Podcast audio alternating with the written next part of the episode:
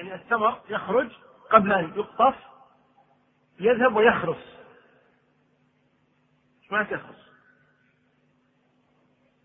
ما معنى يخرس؟ ما حضرت قبل؟ مو كل الدروس ما معنى يرسل من يخرس؟ ها شرحان يقدر يقدر ماذا؟ نعم يذهب إلى الثمر مثل الآن ثمر النخل الآن هذا النخل اللي قلنا لكم الآن. فيه ثمر لكن ما يؤكل الآن. فهم لن ينزلوه الآن. فيذهب في هذا الوقت. طيب؟ فينظر إلى ثمر النخل. فيقول هذه النخلة تقريبا فيها كذا وهذه تقريبا فيها كذا وهذه تقريبا فيها كذا. ثم يسجل عليهم كل ما في هذه الأرض. ثم يقول أنت الأرض هذه فيها ألف صاع. إذا نريد منكم خمسمائة صاع بعد شهرين. يعني بعد أن تنضج الثمرة وبعد كذا أريد منكم خمسمائة صاع الآن افعلوا ما شئتم ثم يذهب. بعد شهرين يعني بعد أن تنضج الثمار يأتي يقول أعطونا 500 صاع واضحة؟ نعم. إذا هذه المساقاة وهذه المزا... هذه المساقاة أن يعمل بها ويسقيها ويرعاها ويأخذ خمسين بخمسين ثلاثين بسبعين عشرين بثمانين خمسة وثلاثين بخمسة وستين حسب ما يتفقان. المهم لابد تكون إيش؟ نسبة مشاعة في كل الأرض. طيب. أيضا المزارعة نفس الشيء. يزرع الأرض هذا عليه البذور وعليه الآلات وذاك عليه الجهد والسقي والرعاية والعناية والحرث وما شابه ذلك. هذه كلها جائزة. ولا شيء فيها بل هذا من التيسير على الناس. ولذلك النبي صلى الله عليه وسلم ما كان متفرغا لأرض خيبر. مشتغل بالجهاد صلى الله عليه مشتغل بالدعوة صلوات الله وسلامه عليه مشتغل بتعليم الناس كما هو في المدينة صلى الله عليه وآله وسلم لا غير متفرغ أصلا لأن يرعى أرض خيبر. ولذلك كلفهم صلوات الله وسلامه أن يقوموا بهذا العمل. نعم.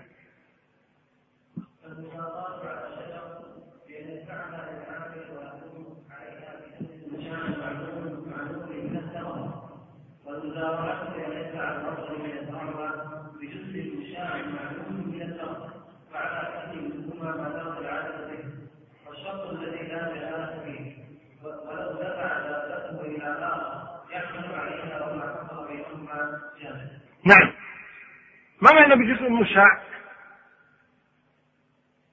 ما معنى جزء مشاع؟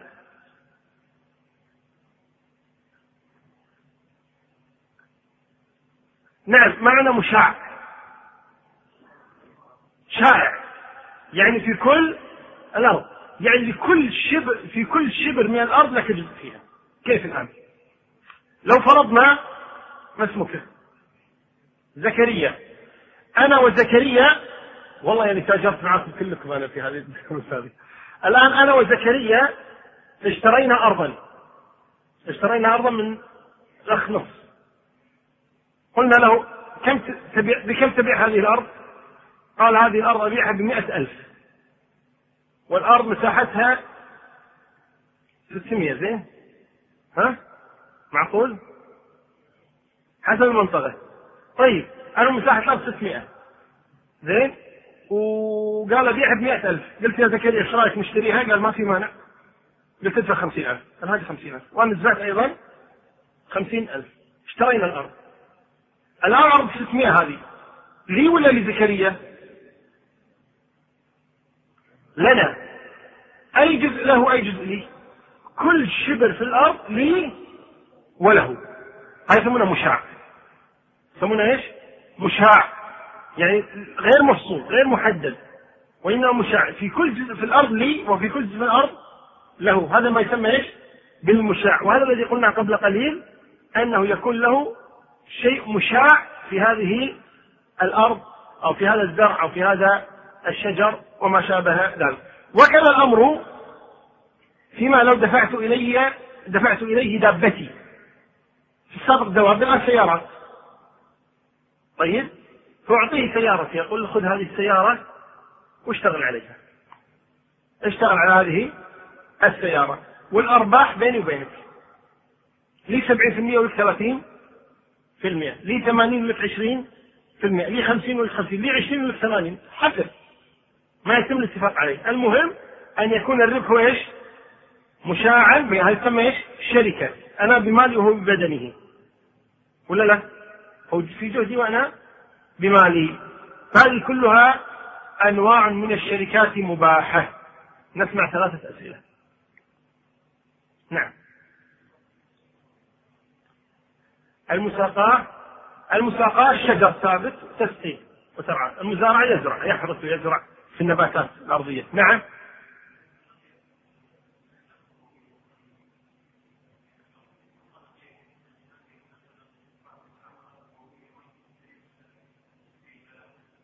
ما فهمت.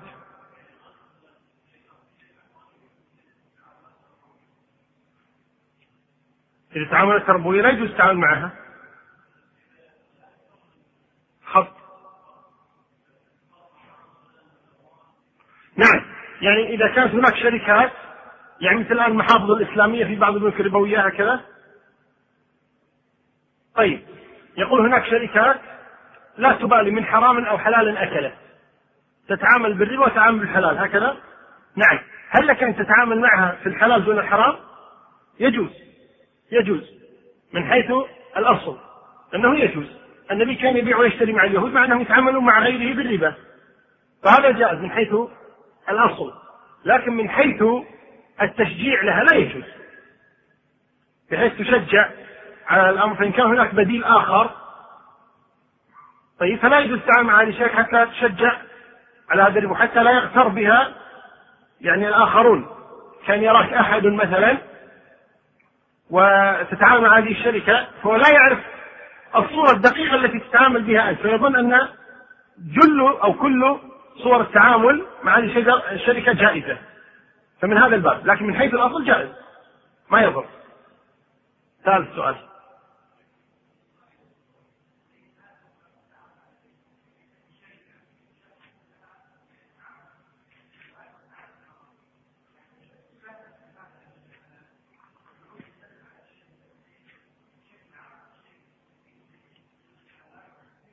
وإذا قلنا إذا كان هناك بديل لا لكن من حيث الجواز جائز. النبي صلى الله عليه وسلم كان يتعامل مع اليهود. وعبد الرحمن بن عوف ماذا قال إذا اشترى وباع مع اليهود. والنبي صلى الله عليه وسلم رهن ذراعه عند مشرك. فالقصد أنه آه، استعار أذراع من مشرك صفوان بن أمية. واستعان مع اليهود صلى الله عليه وسلم عليه. وأنهم ما. يعني ما يتحاشون. حرام من حلال. فالقصد أنه من حيث الجواز طالما أنه معاملة معهم شرعية. نعم. في سؤال عندكم؟ نعم إيه ما هو السؤال؟ يقول لماذا حرم الله ورسوله منع بيع الحضري على البدوي؟ لم يحرم بيع البدوي على الحضري ولا الحضري على البدوي إلا من باب الخوف من غشه فإذا أمن الغش فلا مانع وإنما لأن البدوي الذي يعيش في البادية لا يعرف أحوال السوق فقد يغشه هذا فيشتري منه بأقل من سعر السوق أو يبيعه بأكثر من سعر السوق. ولذلك حتى أن يكون سمسارا له لأنه قد يغشه ولكن يترك حتى يدخل السوق. فإن وقع وباع كما قال النبي صلى الله عليه وسلم فهو بالخيار. يعني إن دخل السوق وجد البيع أكثر له أن يرجع بضاعته من الذي اشتراها منه ثم يبيعها بسعر السوق. في شيء عندكم؟ من برا ولا منك أنت يلا.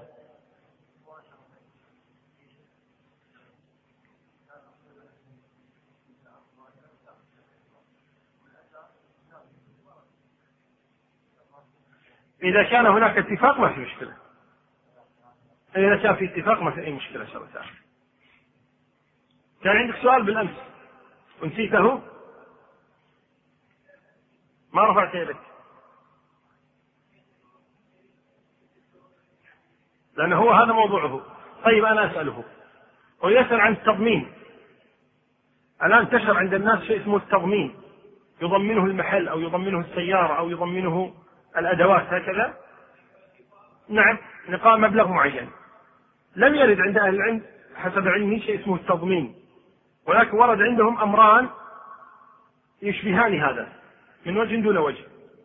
ورد عندهم الإجارة وورد عندهم المضاربة. فمن حيث الإجارة جائز إذا كان يؤجره أو يؤجر هذه الأشياء. بحيث يقول له أؤجرك هذه السيارة بعشرة دنانير في اليوم. واعمل بها ما شئت. أخذت مئة أخذت مئتين أخذت خمسين ما أخذت شيء أنا أريد عشرة دنانير شهريا عقد إيجار. يؤجره والمنفعة التي سينتفع بها هي أن يعمل بهذه السيارة. هذا جائز عقد إيجار. هذا عقد إيجار جائز. أو تكون مضاربة. يعطيه السيارة فيقول له اعمل بها والذي تخرجه في نهاية اليوم نتناصفه. أو لي سبعين ولك ثلاثين أو لي عشرين ولك ثمانين حسب الجزء المشاع. الذي قلناه قبل قليل نسبة له نسبة مشاعة في هذا العمل. فهذا أيضا جائز. هذه مضاربة. هذه مضاربة. أما أن لا يكون إيجار ويقول له تعمل بها ليس إيجارا وإنما تعمل بها لي ولك على أن تأتيني كل يوم بمئتي دينار أو بعشرة دنانير. طيب. تعطيني كل يوم عشرة دنانير. إن حصلت ثلاثين أريد عشرة وإن حصلت دينارا أريد عشرة وإن لم تعمل أريد عشرة. هذا فيه ظلم. لا يجوز. هذا فيه ظلم لا يجوز. إذا إذا كان بهذه الصورة الأخيرة التي ذكرتها فإنها لا تجوز وإنما تجوز في حالتين. الحالة الأولى إذا كان أجارا والحالة الثانية إذا كان مضاربة. والمضاربة بحيث أنه إذا لم يحصل شيئا ليس لصاحب الملك شيء كمثله مضاربة. وأما إذا كان إيجارا فهو يستأجرها يصنع بها ما شاء حسب ما يتفقان عليه. وضحت؟ نعم.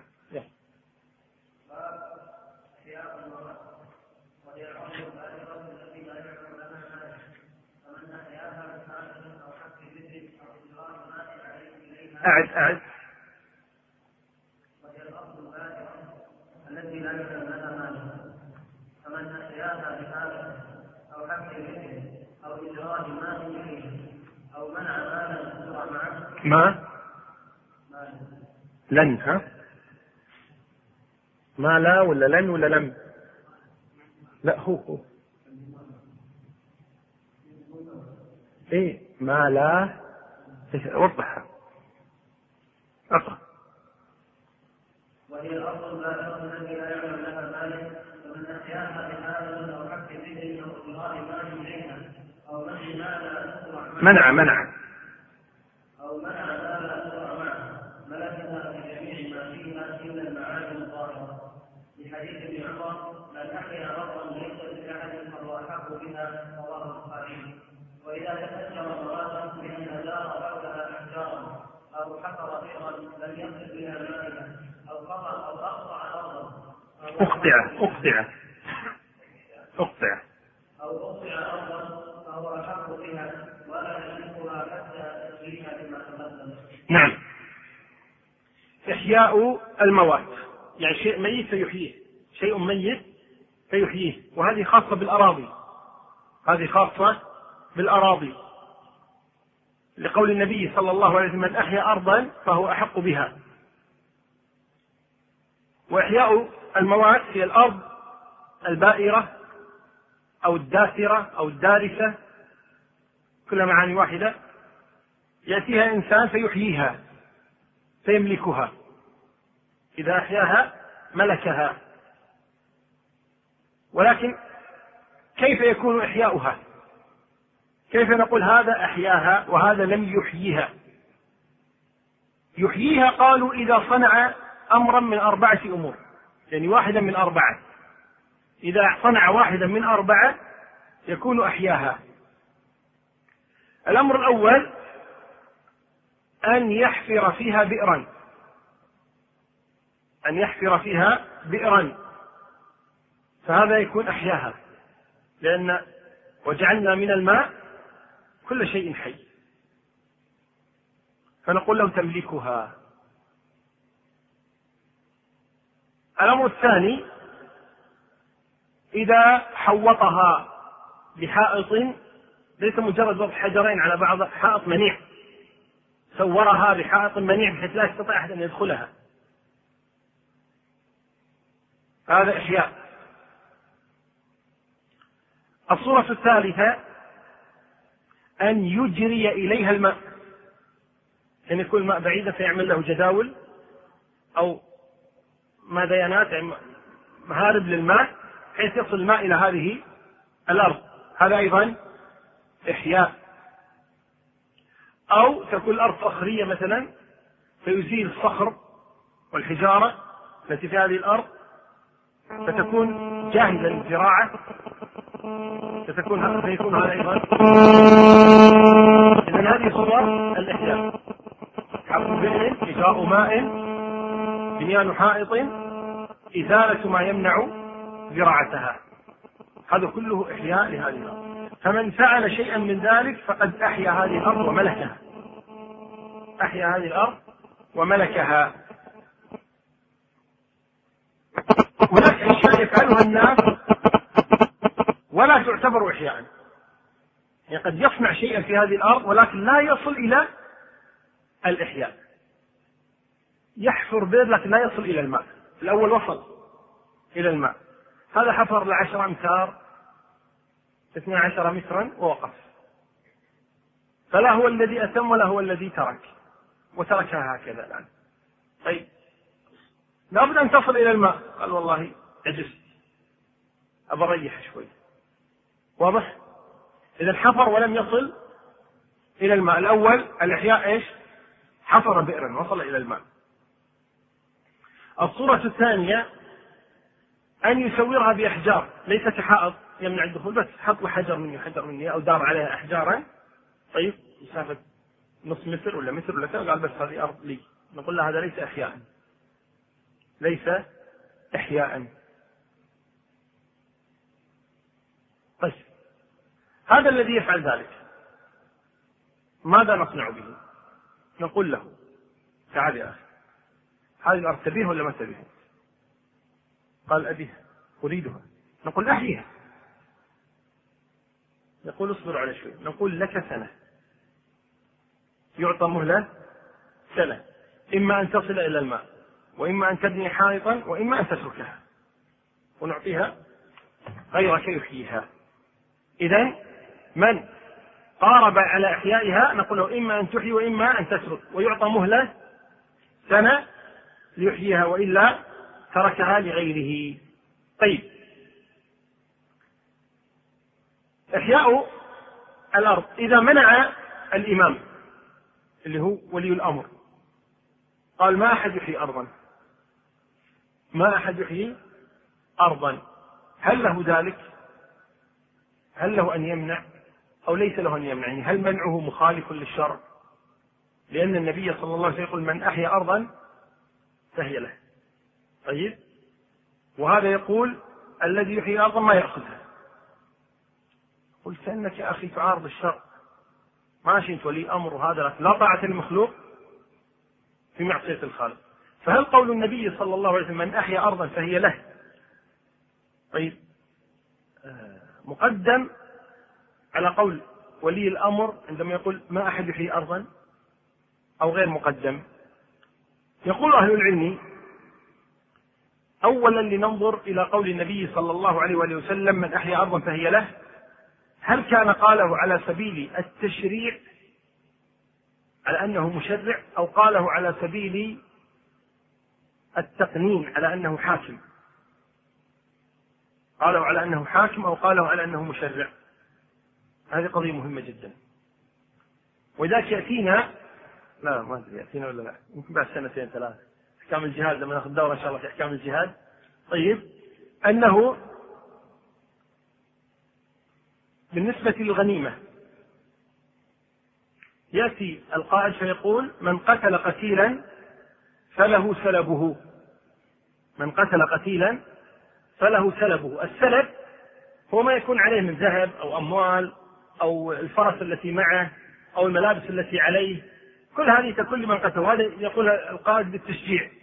يعني اللي يقتل أكثر يحصل أكثر. غير قضية الغنيمة اللي سيأخذها مع غيره. يعني هذه أشياء محفزات يسمونها. هذه ثبتت عن النبي صلى الله عليه وسلم. قال من قتل قتيلا فله سلبه. فقالوا السلب هنا لما قال النبي فله سلبه. هل قاله على سبيل التشريع؟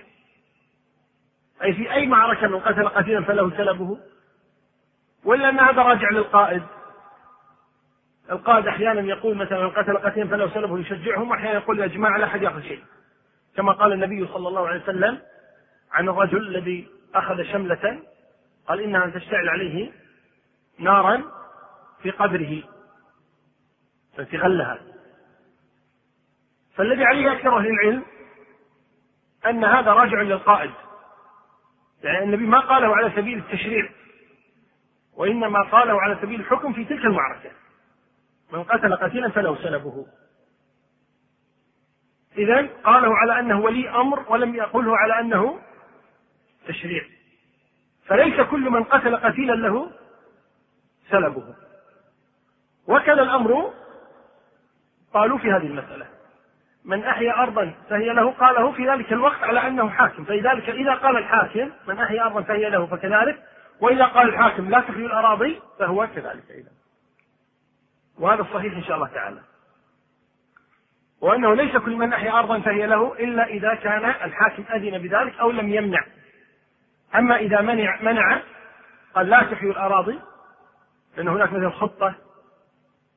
مثل الآن الآن واحد يجي من مكان ما هو مبني ولا شيء يروح يحوط الأرض خاصة الآن يعني كنا نسوي بيوت طيب لو الآن قلنا لكم أي واحد الآن يحوط أرضا فهي له والله يمكن حتى تقوموا من الدرس. واحد يروح يلحق على أرض يروح يحوطها ويتملكها له. نعم؟ قل لا هذا الآن الآن الدولة تحتاج رأس وتدعى الناس بالتساوي والعدل وما شابه ذلك. على كل حال إذا منع ولي الأمر فإنه ليس لأحد أن يأخذ إلا بإذن وكذا من أقطع. أقطع يعني أعطاه ولي الأمر. يعني عبد الرحمن مثلا يدخل على الأمير طيب فيقول له بيتين شعر يمدحه فيهما فيقول يستاهل عبد الرحمن عطه أرض. فهذه الأرض تعتبر إيش؟ إقطاع. أقطعه من الأمير. فهذه الأرض لعبد الرحمن أيضا يعطى مهلة سنة. إما أنك إيش؟ تحييها وإما أن تؤخذ منك. ما قالوا له يا عبد الرحمن؟ أخذها وقعد سنتين ولا ما أخذها منه؟ يا جماعة قاعد شفت بيتين شعر آخرين. حتى نعطيك أرض ثانية. على كل حال هذا أحياء المواد أحد عنده سؤال؟ نعم.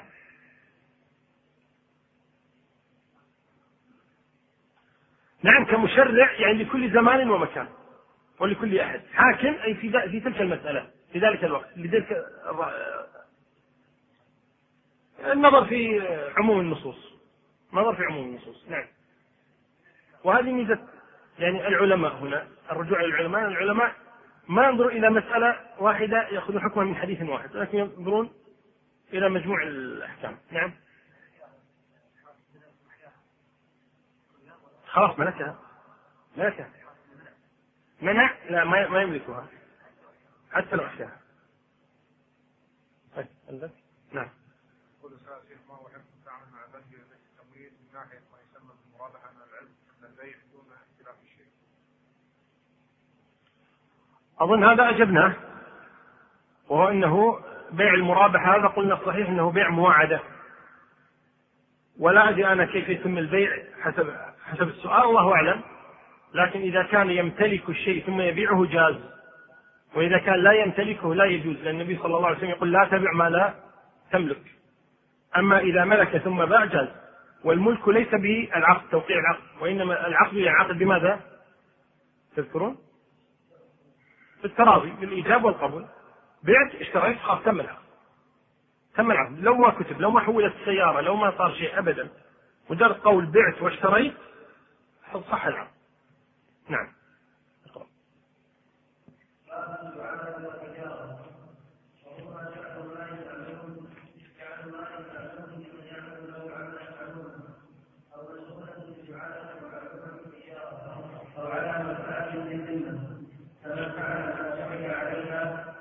فمن فعل عليه فيهما استحق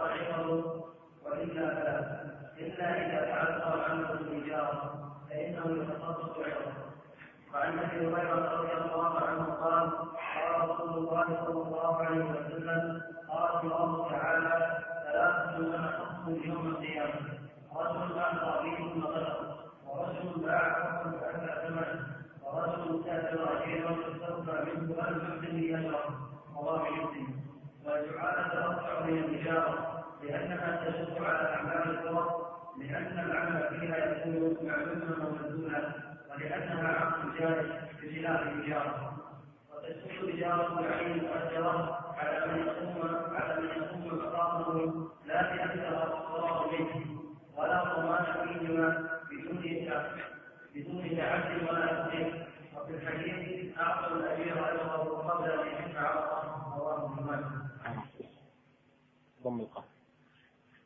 بضم القاف. بضم القاف. ما في قاف واحدة في الحديث. بس ها؟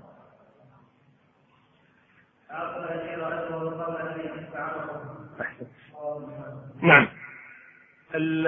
الجعالة والإجارة بينهما تشابه. بينهما تشابه وبينهما اختلاف. الجعالة من الجعل. الجعالة من الجعل. ومنه قول الله تبارك وتعالى لما جاء إخوة يوسف وقال لهم المنادي أيتها العير إنكم لسارقون. قالوا أقبلوا عليهم ماذا تفقدون؟ قالوا نفقد صواع الملك ولمن جاء به حمل بعير. هذه جعالة. يعني الثمن معلوم وهو حمل بعير. لكن لمن؟ لمن جاء به. العمل مجهول. قد يأتي به بعد نصف ساعة قد يأتي به بعد سنة. قد لا يتعب إلا قليلا وقد يتعب كثيرا. قد يأتي به قد لا يأتي به. فالعمل مجهول والعامل كذلك مجهول. قد يأتي به أحمد قد يأتي به يوسف قد يأتي به علي قد يأتي به محمد قد يأتي به عبد الكريم. ما يعلم من يأتي به. لكن الثمن الأجرة ها معلومة. إذا هذه الجعالة هذه هي الجعالة. يعني الآن أنا تضيع دابتي سيارتي تسرق مثلا. ثم أقول لكم من أتى بسيارتي فله قبلة على رأسه. طيب. فبعضكم يقول مثلا بلاش ما بها هذه القبلة. عطنا شيء يعني نستفيد منه. قلنا طيب من أتى بسيارتي فله مئة دينار. فهنا الآن تتحرك الهمم. فيبدأ البحث. لو بحث منكم عشرون يبحثون عن هذه السيارة. الآن العقد الذي بيني وبينكم عقد إيش؟ جعالة الثمن ما هو؟ 100 يعني الثمن معلوم ولا لا؟ لكن العمل مجهول والعامل غير معين مفتوح أي واحد فلو خرج عشرون ثم جاءني واحد وجاء بالسيارة يأخذ المئة والباقي إيش يأخذون؟ يأخذون كروة كروة سهل الدين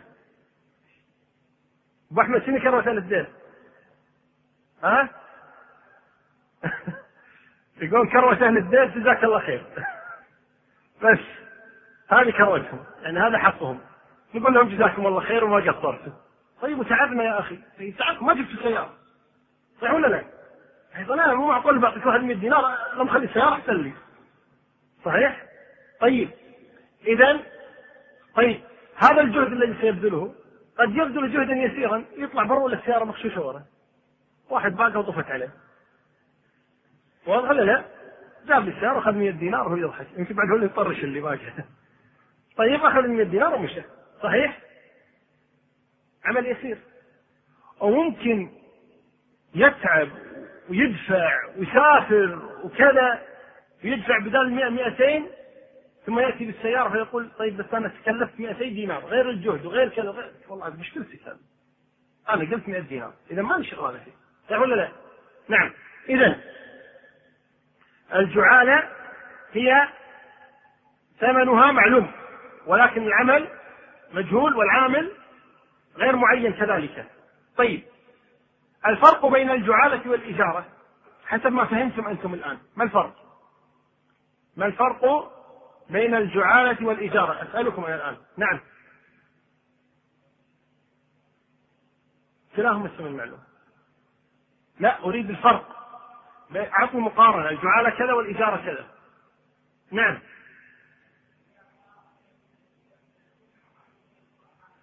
نعم. الإجارة العمل معلوم.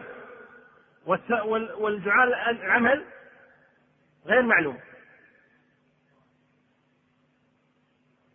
نعم. الإجارة محدد الوقت الجعالة غير محدد. العامل محدد وهنا العامل غير محدد. بعد. شغلة ما راح تعرفونها إني ما قلتها. بس عاد اللي يستنبطها عاد كيفكم؟ نعم. نعم. جعالة قد يكون واحد وقد يكون إجارة من واحد. يعني ها. شلون؟ الإجارة لها وقت محدد. نعم. عجالة؟ إيش عجالته؟ أيوه. مفتوح. طيب تذكرون لما تكلمنا عن العقود قلنا هناك عقود لازم وعقود جائزة وعقود لازم من طرف؟ الإيجار من أي العقود؟ اللازمة. طيب الجعالة. الجائزة. الجعالة العقود الجائزة. كيف عقود جائزة؟ يعني الآن لو قلت لكم مثلا من وجد السيارة فله 100 دينار. ثم بعدين قلت لكم شباب. نعم هونا بس ما يعطيك أنا بدور الحال. عقد. قال لا يا أخي مو كيفك عقد الحين بيننا وبينك عقد. مثل عقد الاجاره ما حق إنك ترجع. فل المجلس. ولا لا؟ هنا نقول لا الجعال له الحق أن يتراجع، له الحق أن يتراجع. كذلك الذي تصدر للعمل 20 شخص. ماشي؟ قلت يا جماعة من يعمل؟ من يبحث عن سيارتي؟ قام 20 قال نحن. نحن نبحث عن سيارة. قلت جزاكم الله خير الذي يجدها له 100 دينار. قال خلاص. خرج يبحث. حطيت رأسي ونمت. صليت العصر طلعت. ولا العام لاعبين مباراة كرة قدم. يا جماعة وين تدورون السيارة؟ هونا هونا ما ناخذ طيب بيننا عقد. عقد لازم أروح أشتكيكم. أروح اشتكي ما لي شيء. ليش؟ عقد جائز. لأي من الطرفين أن يفسخه متى شاء. اذا هذا عقد إيش؟ الجعالة. إلا في حالات. شلون؟ يعني قلت أنا من يأتيني بالسيارة فله 100 دينار. من يبني لي هذا الحائط فله 100 دينار. مثلا عندي حائط بنيان. طيب؟ قلت من يبني هذا الحائط فله 100 دينار؟ هذه جعاله ولا اجاره؟ جعاله لأنه غير محدد الشخص. اللي يبدأ قبل اللي يبدأ بالبنيان. واضح؟ من أصبحنا وهذا راح اشترى السمنت وهذا راح اشترى كذا. اللي بدأ قبل في العمل هو الذي يستحق. هذه جعاله. طيب بدأ في العمل بلغ نصف العمل. وجاءني قال أعطني ال دينار. هل اعطيه شيئا؟ لماذا؟ ما أتم العمل ما أتم العمل طيب. أيضا بعد نصف العمل أنا جيت قلت له بس بطلنا شنو بطل؟ أنا اشتغلت وبذلت وتعبت وشريت وكذا شنو بطل؟ اعطني 100 دينار هل لي حق إني أمنعه؟ طيب. فيما لو منع رغما عنه بدون طلب قدر أمور قدرية. أمور من القدر أو من خارج. الحاكم منع من هذا البنيان مثلا. طيب أنا ما أقدر أعطيه الجعاله كلها لأنه إيش؟ ما بنى الحائط ولا يجوز إني اظلم حقه لأنه إيش؟ اشتغل طيب إيش يأخذ؟ يقدر عمله يقدر أجرة المثل فيما لو بنى إنسان نصف حائط كم له؟ يعطى ذلك يعطى ذلك وبالنسبة للإجارة قال أهل العلم يشترط لها ثلاثة شروط الشرط الأول أن تكون أو أن يكون آه، المال معلوما الأجرة أن تكون معلومة. المنفعة كذلك لابد أن تكون معلومة. ثم الثالث وهو أن تكون مباحة. لأن ثلاثة شروط في الإجارة. المنفعة معلومة المال معلوم الأجرة معلومة المنفعة مباحة. فلو واحد استأجر شخصا على عمل مثل ما يحدث الآن عند كثير من الناس وهذا خطأ. يقول أبيك تصلح لي هذا هذه السيارة وتصلح لي الكهرباء في البيت وتصلح لي الصحية أو أي تصليح نجار أي أي تصليح الآن. يقول له بكم تصلح لي؟ يقول لك ما راح نختلف. صح ولا لا؟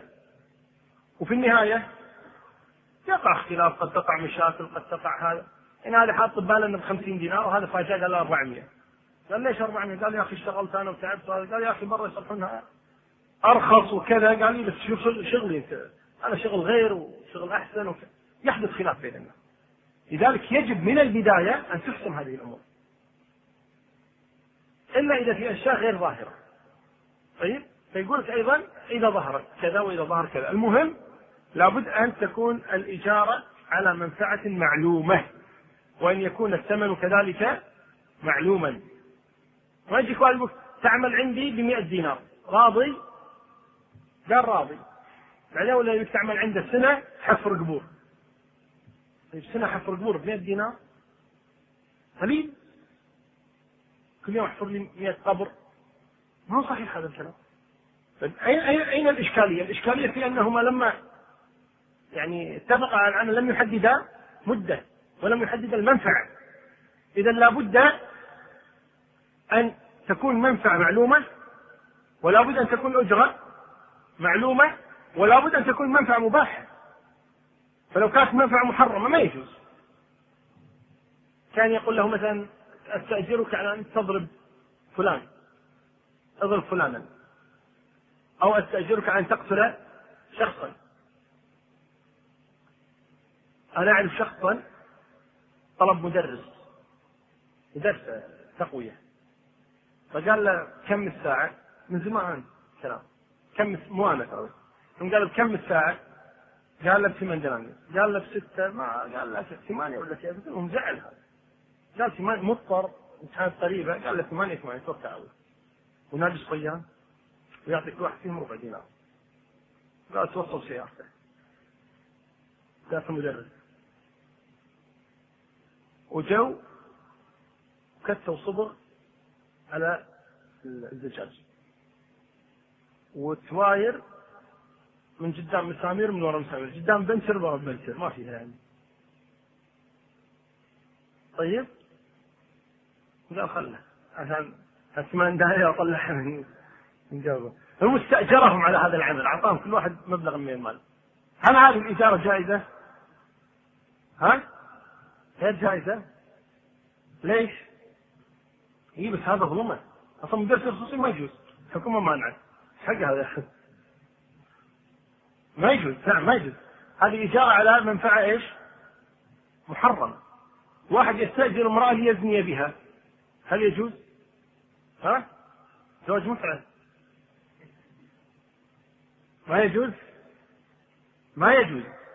إذا هذه الأشياء كلها محرمة. لماذا؟ لأنها منفعة محرمة. منفعة محرمة فلا تصح فيها الإجارة. نعم. هل عنده سؤال عن الإجارة؟ نعم. هذه عقدان في عقد واحد. ما يصلح. يعني إما أن تكون بيعا وإما أن تكون إجارة هما هم خلطوا عقدين في عقد. عقد بيع وعقد إجارة في عقد واحد. اي بس كم يشتريها؟ لا ما يشتريها بسعر السوق. يشتريها بقيمة الأجار اللي قاعد يدفعها.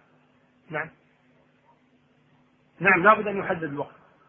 نعم مرت مسألة هنا ما ذكرناها وهي أنه آه، قضية الإجارة في أعمال القرب ما تجوز. لكن الجعالة تجوز. لقول النبي صلى الله عليه وسلم واتخذ يقول لمالك بن حويرث المالك الأشعري واتخذ مؤذنا لا يأخذ على أذانه أجرا. فالأذان بالأجرة لا يجوز. وأما إذا كان من باب الرزق من بيت المال أو كان من باب الجعالة فإنه جائز. كان يقول مثلا ما أؤذن لكم حتى تدفعوا لي. أذان لا لابد يكون لوجه الله. قربة.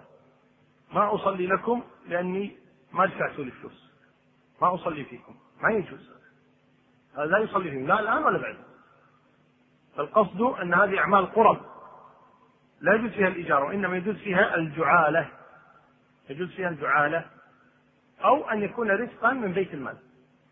وكذلك الأمر تأجير المستأجر. تأجير المستأجر. الآن عبد الرحيم مثلا استأجرت منه بيتا. ليسكنه قلت له بكم تؤجرني هذا البيت؟ قال قال 300 دينار. قلت تم. تم العقد. في مشكلة الآن؟ ما في مشكلة. ثم طرأ طارئ. لن أستطيع أن أستفيد من هذا البيت. فجئت لي ما اسمه عبد الله. يا عبد الله تأجر مني البيت؟ فقال بكم؟ قلت 350 فأجرته البيت ب 350 يجوز؟ يجوز. يجوز. لأن لي حق الانتفاع في البيت الذي أجرته ومن من انتفاعي به أن أؤجره على غيري. جائز هذا. هذا جائز. لكن بشرط أن لا يقع ضرر على على عبد الرحيم الأول. كيف؟ يعني الآن دعوا عبد الرحيم الآن عبد الرحيم فقير دعوا واحد غني. من فيكم غني؟ ها؟ يعقوب. يعقوب الآن تو مسوي له قيصرية وتحت كلها محلات ذهب. مأجر لهم. واضح؟ مأجر كلها محلات ذهب تحت. فجئت قلت يعقوب أبى أجر عندك محل ذهب. يعني قال هو حاط إنه بأجر محلات ذهب ترى. تحت كلها محلات ذهب. فقلت يعقوب أبي أجر منك المحل. قال أبشر؟ قلت له بكم؟ قال 300 دينار. قلت أبشر. دفعت 300 دينار أجرت المحل. وبعدين صارت لي إيش؟ ظروف.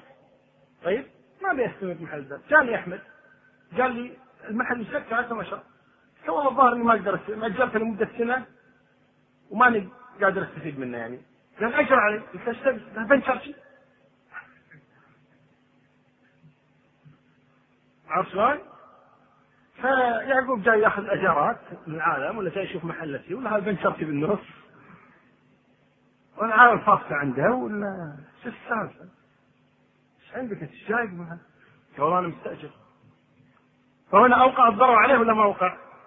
أوقع ضررا عليه. أوقع ضررا عليه. لا مسند التواير المنشر على المحلات اللي جنبه بعد. حاط له هذه قواطي زيت اللي فوق بعض في هرم مني هرم مني. كشخ المحل يعني طيب فالمهم الان هذا العمل منه اوقع ضررا ولا ما اوقع؟ اوقع ضررا على صاحبه اذا ليس له له ان يمنعه له له ان يمنعه لماذا؟ لأنه اوقع عليه الضرر طيب احد عنده سؤال الاداره؟ لا هناك ما سأله لا اللي وراك إيه المسلمون عند شروطهم. أي نعم. نعم. ممكن. ممكن. تصير إشارة. تنتقل إلى إشارة.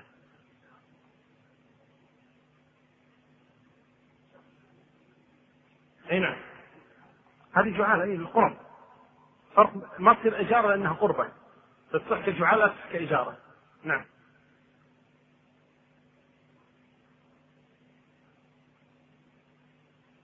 ما في بس كما استؤجر وحشي لقتل حمزة لما استأجره مطعم بن عدي لقتل حمزة عن النبي صلى الله عليه وسلم. يكون. يعني نعطيه مبلغا على أذانه لكن لا نسميه إجارة. يعني ما يأخذ آه، أحكام الإجارة من حيث إن عقد يصير جائز وليس بلازم. طيب إن تكون له يعني مبلغ مجعول يعني ممكن نقول متى فسخنا العقد فسخناه طيب من هذا الباب.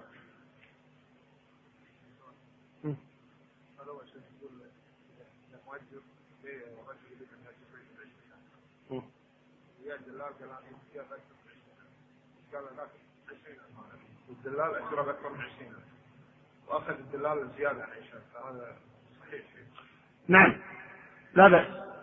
إذا قلت أنا أنا أريد أن أؤجر هذا المحل بثلاثين ألف. قال لي شخص أنا آتيك بأكثر. قلت أنا ما أريد إلا ثلاثين والأكثر لك يجوز ذلك. يجوز لا بأس بذلك. نعم. ما هو الحكم في رجل يأخذ من الناس الصندوق أي الاعراض العقار ويقول ويم ويتفق معه في مبلغ معين بعنا يقوم هذا يأخذ الأراضي ويبيعها ب 50000 دون علم الرجل صاحب الأراضي. لا هذا هذا نوع من الغرض وهو أن يأخذ منه الأرض بمبلغ معين ويبيعها بمبلغ أكثر ويكذب عليه. أما إذا كان يصدقه القول يقول أنا أشتريها منك ب 40 وابيعها كيفما شئت هذا جائز. وأما إذا كان يكذب عليه يأخذها منه ب 40 يقول بعتها ب 40 ويبيعها ب 50 هذا غش. لا يجوز. نعم.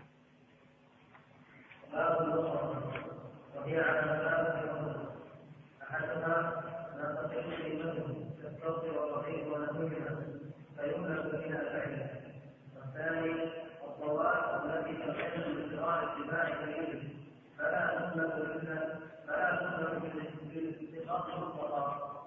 كاملا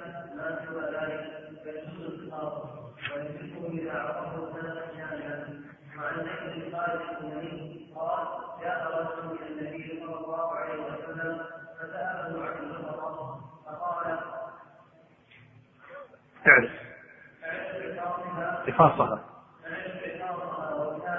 ثم علمها فإن جاء صاحبها وإلا تشهد بها قال فقال سلطان قال كلمة أو لتقيش أو للذكر قال فقال منه قال ما لك ولها معنى انقاذها وفداءها تجد الماء وتبذل الشجر حتى يلقاها حتى يلقاها أمها متفق عليه. نعم. اللقطة ما يلتقط يعني ما يوجد. وهي ثلاثة أنواع. النوع الأول الأشياء المستحقرة الأشياء القليلة التي لا تلتفت إليها همة أوساط الناس. التي لا تلتفت إليها همة أوساط الناس. أوساط الناس حالا وأوساط الناس أخلاقا. أوساط الناس حالا يعني حالتهم متوسطة ليسوا بأغنياء موسرين وليسوا بفقراء ناس حالتهم متوسطة. وأوساط الناس حالا ليسوا مشافيح كل شيء يبونه طيب؟ وليسوا من الناس الذين يعني فيهم كبر طيب؟ وإنما هم من أوساط الناس يذكرون أن رجلا من حكام العراق ليس حاكما للعراق كلها ولكن من الأسرة الحاكمة في العراق فترة من الزمان وهي عائلة السعدون هذه العائلة حكمت العراق فترة من الزمن. يعني جزءا كبيرا من العراق. حكمته فترة من الزمن. فكان أحد هذه الأسرة يجلس في مقهى. يشرب الشاي والقهوة مع زملاء وكذا. أيام لما كان هذه الأسرة تحكم. وكان بيده مصباح من ذهب. وهو على الكرسي فسقط منه المصباح. ولا أدري نسيت أنا الآن هل انقطعت يعني انقطع المصباح سقطت حباته تناثرت أو أنه سقط بكامله وأظن أنها تناثرت حباته. وهو جالس على الكرسي يقول فجلست أفكر في نفسي آخذ حبات الذهب هذه أو لا آخذها؟ قلت آخذها. قلت ماذا يقول الناس عني؟ ولد السعدون ينزل عشان حبات ذهب قدام الناس يلقط حبات الذهب في الأرض ما يليق به هو ذهب قلت أتركها؟ حسافة ذهب. يقول فترددت في الأمر. ثم بعد ذلك قلت لن آخذها. والناس ولا واحد عنده جرأة أن يأخذها لأن يمشي. بعد ما مشى طبعا الله على الأنصار يعني. المهم تركها ومشى. ما أخذها. دارت الأيام ذهبت دولة السعودية. وصاروا فقراء كسائر الناس. وهذا الشخص بالذات. يقول فخرجت يوما من بيتي إلى هذه القهوة وكان الطريق إليه يمر يعني آخذ أجرة يأخذ أجرة حتى أصل إلى القهوة وتمر على شبه وادي صغير. ولم يكن عندي في ذلك الوقت إلا مئة فلس فقط. وكانت هذه 100 فلس عبارة عن 50 فلس أجرة سيارة في الذهاب و50 فلس أجرة سيارة في العودة. وأذهب إلى القهوة لا أشرب شيئا. ما أملك شيئا. أجلس فقط أتذكر أجد زملائي كذا فقط أحيانا يعني صاحب القهوة أو زملائي يعطوني قهوة يعطوني شيء أسكت أشرب أسكت لكن ما أطلب شيئا أبدا. فقط أنفح عن نفسي. يقول فذهبت أذهب يذهب آخر العصر يعني قريب من المغرب. المهم يقول فذهبت فنزلت من السيارة أعطيته الخمسين أعاد لي الخمسين وأنا نازل من السيارة وتسقط مني الخمسين فلس في الأرض. في الوادي هذا. يقول لا شعوريا نزلت خلفها لأن ما في حد يرجعني. التكاس ما يعرفوني البقاء يعرفون التكاس ما يعرفون ولا يطلب من الناس. يقول لا شعوريا نزلت خلف الخمسين والوقت ظلام يعني آخر العصر قريب من المغرب. يقول فنزلت أبحث بين الصخور عن خمسين فلس يقول وأنا في الأسفل تذكرت مصباح الذهب. لما امتنعت عن النزول لمصباح ذهب وهو تحت قدمي أنزلني الله بخمسين فلس في وادي يقول فجلست أبكي وحدي. فالقصد حال هذا الرجل لما سقط منه المصباح ليس حال أوساط الناس. أوساط الناس اللي يطيح منهم المصباح ذهب يأخذونه ولا ما يأخذونه؟ يأخذونه فالمهم أن المقصود هنا في اللقطة أنها ما تميل إليها ما لا تميل إليها حال أوساط الناس. الناس معتدلين يعني مثل الآن. ما اسمه فهد. الآن فهد الآن بس الجواب صراحة. بنشوف إنت من أوساط الناس ولا من مربع السعدون ولا طيب.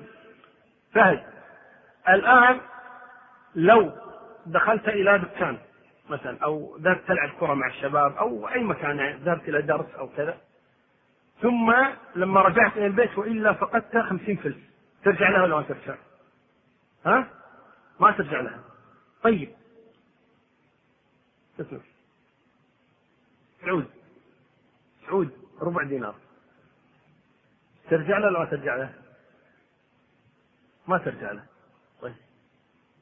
اسمك؟ عبد الله دينار. رجع عبد الله ها؟ ما ترجع له. ثلاث دنانير. إيه. ها؟ ارجع لها بس قلتها بسرعة يمكن ترجع حق 50 فلس؟ شنو ما عاد فينك؟ ترجع حق الخمسين؟ ها؟ ما ترجع لها. طيب. إذا حال أوساط الناس خمسين فلس ومئة فلس وربع دينار يعني ما يهتمون لها كثيرا. يعني يمكن يقول ما تسوى العنوة. ما تسوى حرة الشمس تحوش الشمس عشان ربع دينار. عليه بالعافية اللي ياخذه. صحيح ولا لا؟ نعم. لما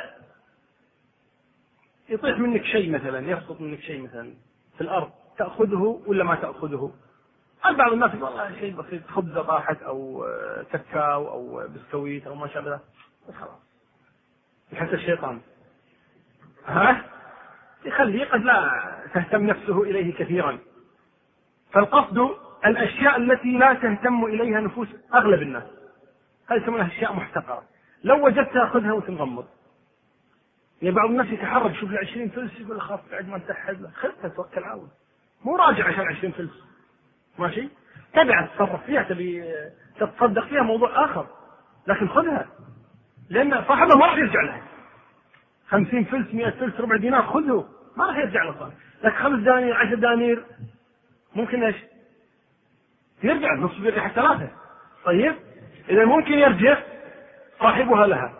فالقصد اذا هذه الأشياء الأشياء يسمونها الاشياء الحقيرة خذها. طيب؟ لكن والنبي صلى الله عليه وسلم مر على تمرة أخذها أراد أن يأكلها. وهي أكيد ملك لأحد ولا لا؟ إنها ملك لأحد صحيح؟ مع هذا أراد النبي أن يأكلها. ثم قال لولا أني أخشى أن تكون من تمر الصدقة لأكلتها، إذا ما منعه إنها تكون ملكا لأحد ولكن منعه إنها ممكن تكون زكاة. وهو محرم عليه الزكاة صلوات الله وسلامه عليه. فلذلك تركها لهذا السبب ولم يتركها لأنها لقطة. ولا لا؟ نعم فدل هذا على أن الإنسان إذا وجد شيئا حقيرا له أن يأخذه ولا يبالي. طيب. إذا وجد شيئا عظيم كالإبل والبقر هذه تمتنع بنفسها عن سباع الإبل عن السباع وغيرها فهذه أيضا ما يجوز له أن يأخذها. ليش؟ أنها تدافع عن نفسه هناك أشياء لا تدافع عن نفسه واحد لقى شاة في البر بروحها. النبي صلى الله عليه وسلم سئل عن ضالة الغنم. قال لك أو لأخيك أو للذئب. يعني إذا ما أخذت أنت تأخذها ما أخذ أخوك يأخذها الذئب. يعني خذها. يعني إيش؟ خذها. لكن مو تلقين بيتكم شاة تقول لي أو لأخي أو للذئب. هذا في البر. ها؟ في البر ما لها أحد لكن عند بيتكم شاة الجيران. ما في اللي أو لأخي للذئب. فهنا هذه تترك طبعا. طيب. إذا آه هذه الأشياء الثمينة واحد لقى 100 دينار مثلا في محفظة 100 دينار ماذا يصنع بها؟ يأخذها ولكن يعرفها سنة كاملة. يعرفها سنة كاملة. ولا يتصرف فيها خلال هذه السنة. لا يتصرف فيها خلال هذه السنة بل يعرفها لمدة سنة. إن جاء صاحبها أعطاها إياه. وإن لم يأتي صاحبها بعد سنة خلاص تصرف فيها. لك أن تتصرف فيها. طيب إن جاء صاحبها بعد السنة تعطيها إياه لأن في النهاية ملكه هو. ولا لا؟ نعم تعطيها إياه طيب كيف تعرفها؟ في السابق في أماكن معينة يجتمع فيها. الآن ممكن تحط إعلان عند الجمعية مثلا. طيب آه في الصحف مثلا أو ما شابه ذلك أني وجدت أموالا. من فقد أموالا في جمعية مشر فيتصل عليه. يتصل عليه. تسأله. الأموال هذه في محفظة ولا بدون محفظة؟ في كيس ولا في ماذا؟ عشرينات ولا عشرات؟ واضح ولا لا؟ حتى تطمئن إنها إيش؟ إنها له الرقم اللي بالدينار كم؟ هذا معناته شنو؟ اكال طيب.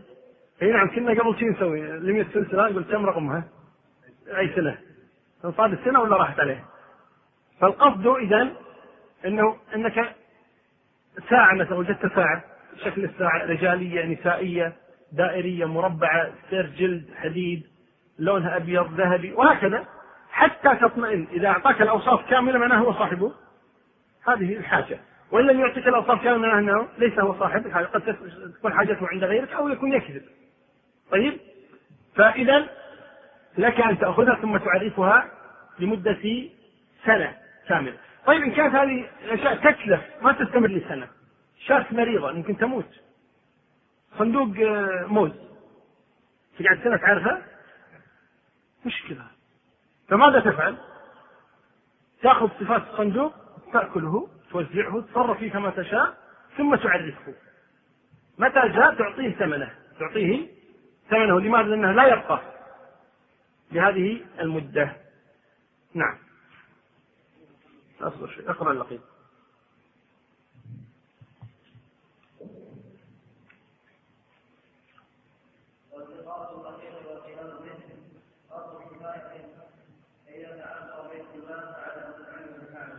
اللقطة قد تكون دراهم قد تكون قد تكون دراهم قد تكون آه، أطعمة وغير ذلك قد تكون أحيانا أطفالا. هم يسمون اللقطة. وهذا قد يكون من زنا وقد يكون يعني من ضياع قد يكون من حادث. كل هذا لقطة لا يعرف أبوه ولا تعرف أمه. فهذا اللقيط من وجده يجب عليه أن يأخذه. ما له فيه منه. وجوبا لو تركه يأثم لأن أخذه فرض كفاية. أخذ اللقيط فرض كفاية. فيأخذه ثم يعطيه آه، لولي الأمر إذا كان هناك حضانة لهؤلاء اللقطاء فإن لم تكن حضانة يجب عليه أن يحضنه إذا كان يستطيع ذلك ويصرف عليه من بيت المال، بيت المال يعطونه ويصرف عليه، وإذا امتنع بيت المال عليه أن يصرف إذا كان عنده، وإذا ما كان عنده من علم من الموسرين يدفع المهم أنه ما يضيع. يجب على المجتمع أن يحمي هؤلاء اللقطاء. طيب نسمع سؤالين ثم نرتاح لمدة ربع ساعة إن شاء الله تعالى. نعم. اللقطة. إيه؟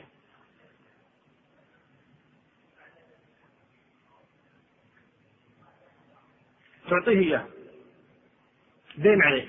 يكون دينا عليك. يقول إذا آه، صرفت هذا المال بعد سنة وجاء صاحبه يكون دينا عليك. تعطيه إياه. لابد. نريد الناس ما سألت طيب هدي.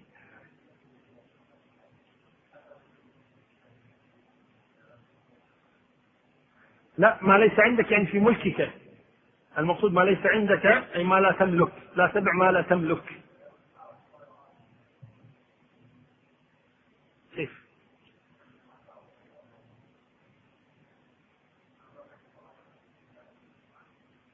طيب روح. ما في مانع ما في مانع لم تكتمل مادة هذا الشريط بعد. لذا نرجو متابعتها في الشريط الذي بعده.